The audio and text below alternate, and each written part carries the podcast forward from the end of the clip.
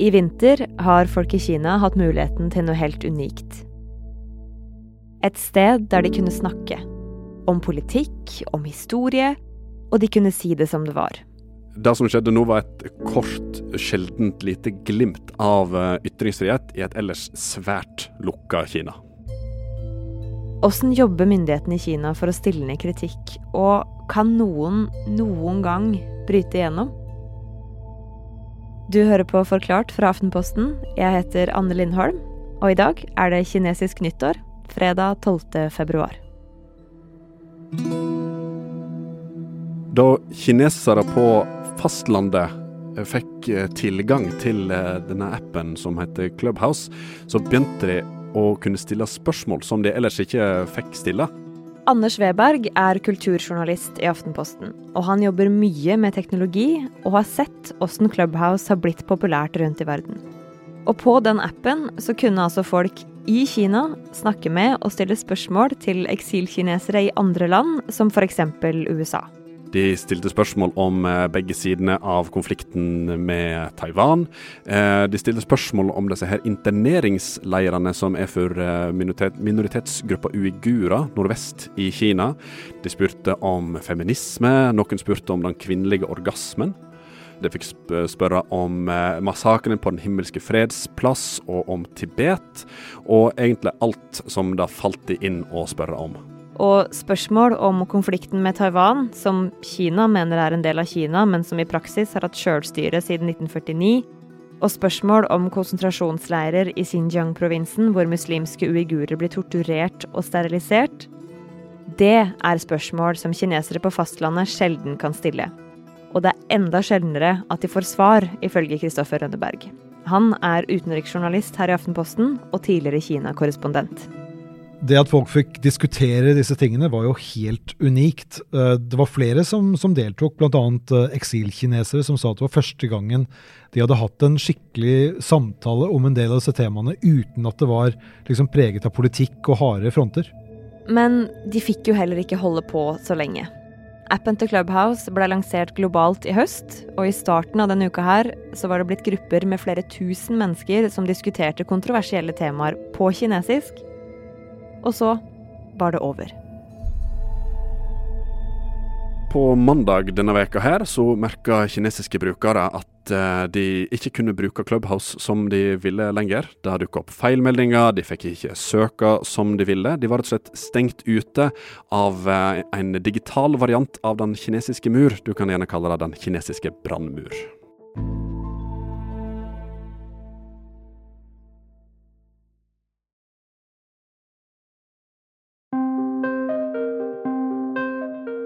Anders, hva var tanken bak denne appen Clubhouse? Hvordan ble den til?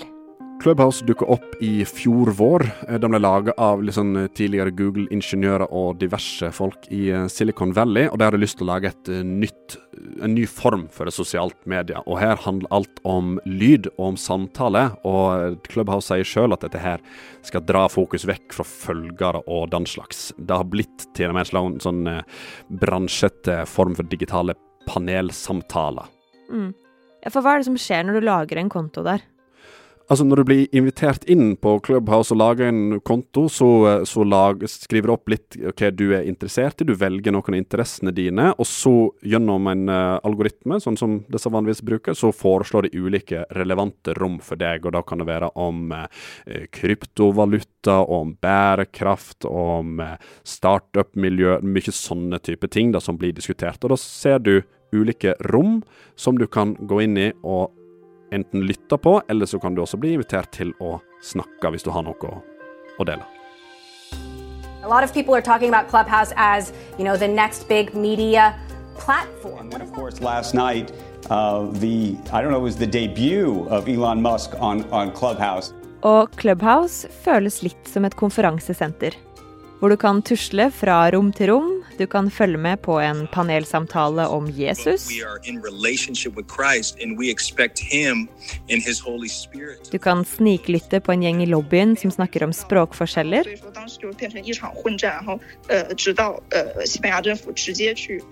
Eller sette deg i baren og snakke om ekteskap. How many people that you know that's married that didn't get married in jail? Probably like five. Kristoffer, hva er det med Clubhouse som myndighetene i Kina ikke kan ha noe av?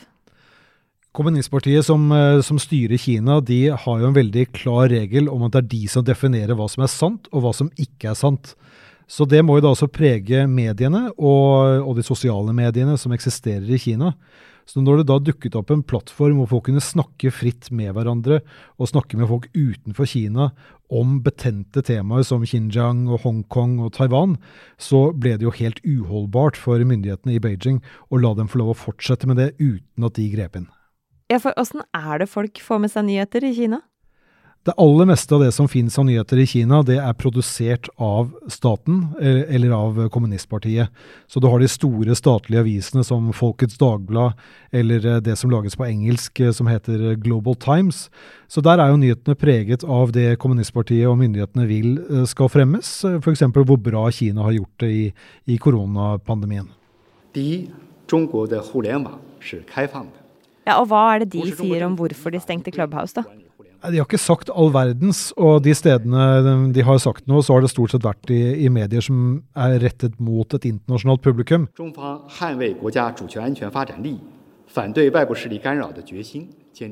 Og der er det fremmet et argument om at, uh, at det var mye preg av vestlige versjoner av hva som skjer i Kina og at de selv ikke fikk komme til orde, at de følte at, eh, at, dette var eh, litt for preget av propaganda mot Kina.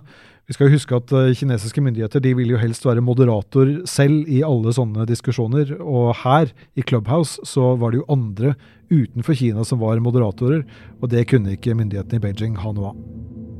For her kommer den kinesiske brannmur inn.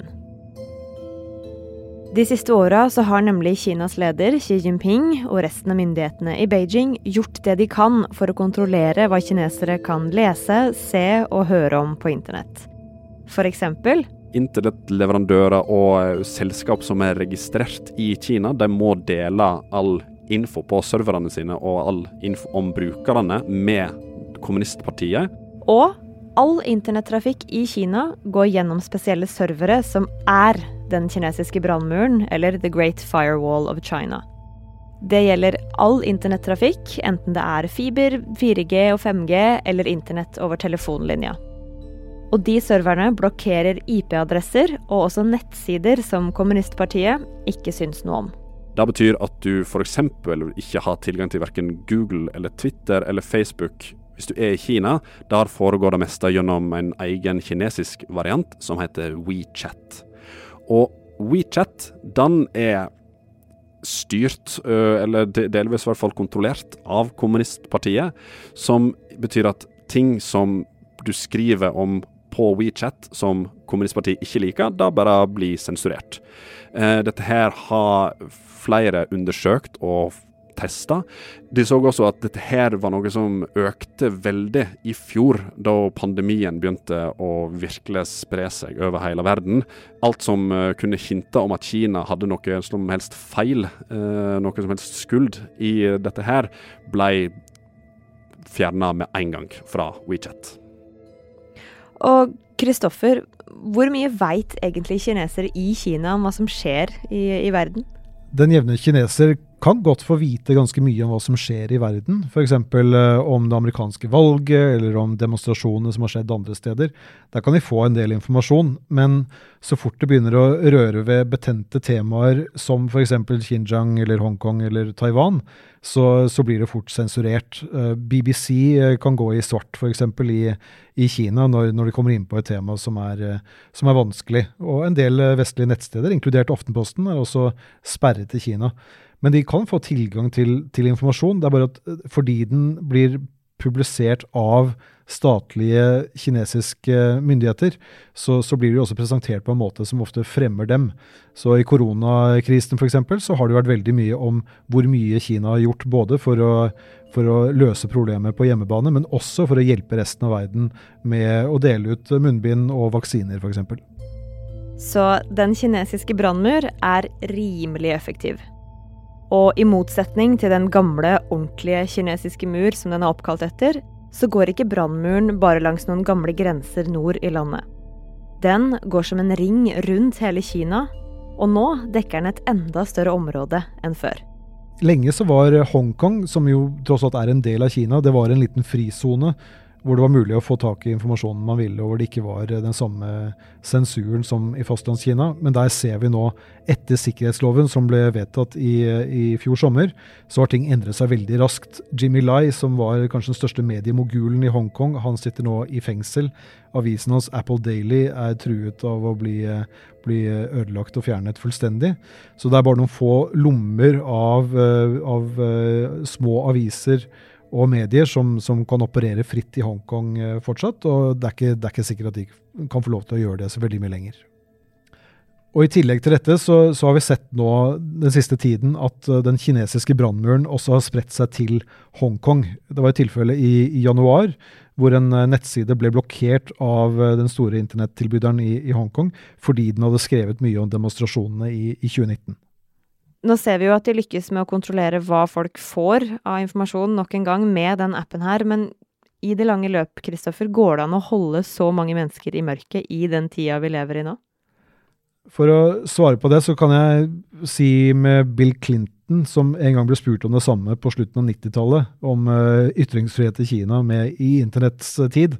Han svarte at uh, å sensurere internett vil være som å nagle gelé til en vegg. Det går ikke an. Men så viste det seg at eh, dessverre tok Bill Clinton feil eh, også på, på, dette her. Og det gikk helt fint an å sensurere informasjonen i Kina. Og det har faktisk blitt lettere for myndighetene jo, eh, jo mer sofistikerte de har blitt, og jo større internett har blitt. Både ved at de klarer å blokkere ut informasjon, og fordi de har blitt mye dyktigere selv på å fremme informasjon som, som er i deres egen interesse. Sånn at de kan få snudd informasjon som kanskje er negativ for dem, f.eks. koronakrisen, til noe som er positivt for dem ved bruk av propaganda. Og de gjør det på en mye mer sofistikert måte enn hva de gjorde før. Så dessverre så er det nok fullt mulig for det kinesiske kommunistpartiet og kinesiske myndigheter å fortsette å sensurere internett i Kina på en stadig mer effektiv måte. Så er det umulig da at noen kan bryte gjennom den kinesiske brannmuren noen gang? Det fins jo allerede i dag måter man kan komme seg gjennom brannmuren på. Hvis man har en eh, VPN, altså en Virtual Private Network, som er en tjeneste man kan eh, kjøpe på, på internett. Hvis man har installert det utenfor Kina og tar det med seg inn til Kina, så kan man bruke den eh, som en måte å komme seg utenfor brannmuren på.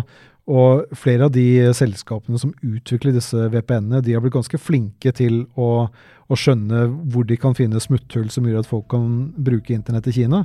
Og jeg, jeg vet om mange som, som, eh, klarer å gjøre det i Kina i dag, men eh, det blir en sånn katt og mus-lek eh, hele tiden, hvor man må utvikle VPN-ene for å svare på tiltak fra kinesiske myndigheter, for å hele tiden ligge et hakk foran. Og det blir vanskeligere og vanskeligere å finne de smutthullene.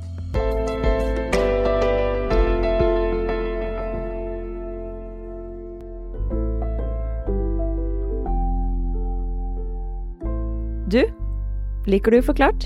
Så må du veldig gjerne legge igjen en rating på iTunes, så flere kan finne oss. Eller så kan du bare snakke om oss til en venn. Denne episoden er lagd av David Vekoni og meg, Anne Lindholm. Resten av Forklart er Caroline Fossland, Ina Swann og Marit Eriksdatter Gjelland. Du har hørt lyd fra Yahoo News, CNBC og nyhetsbyrået AP.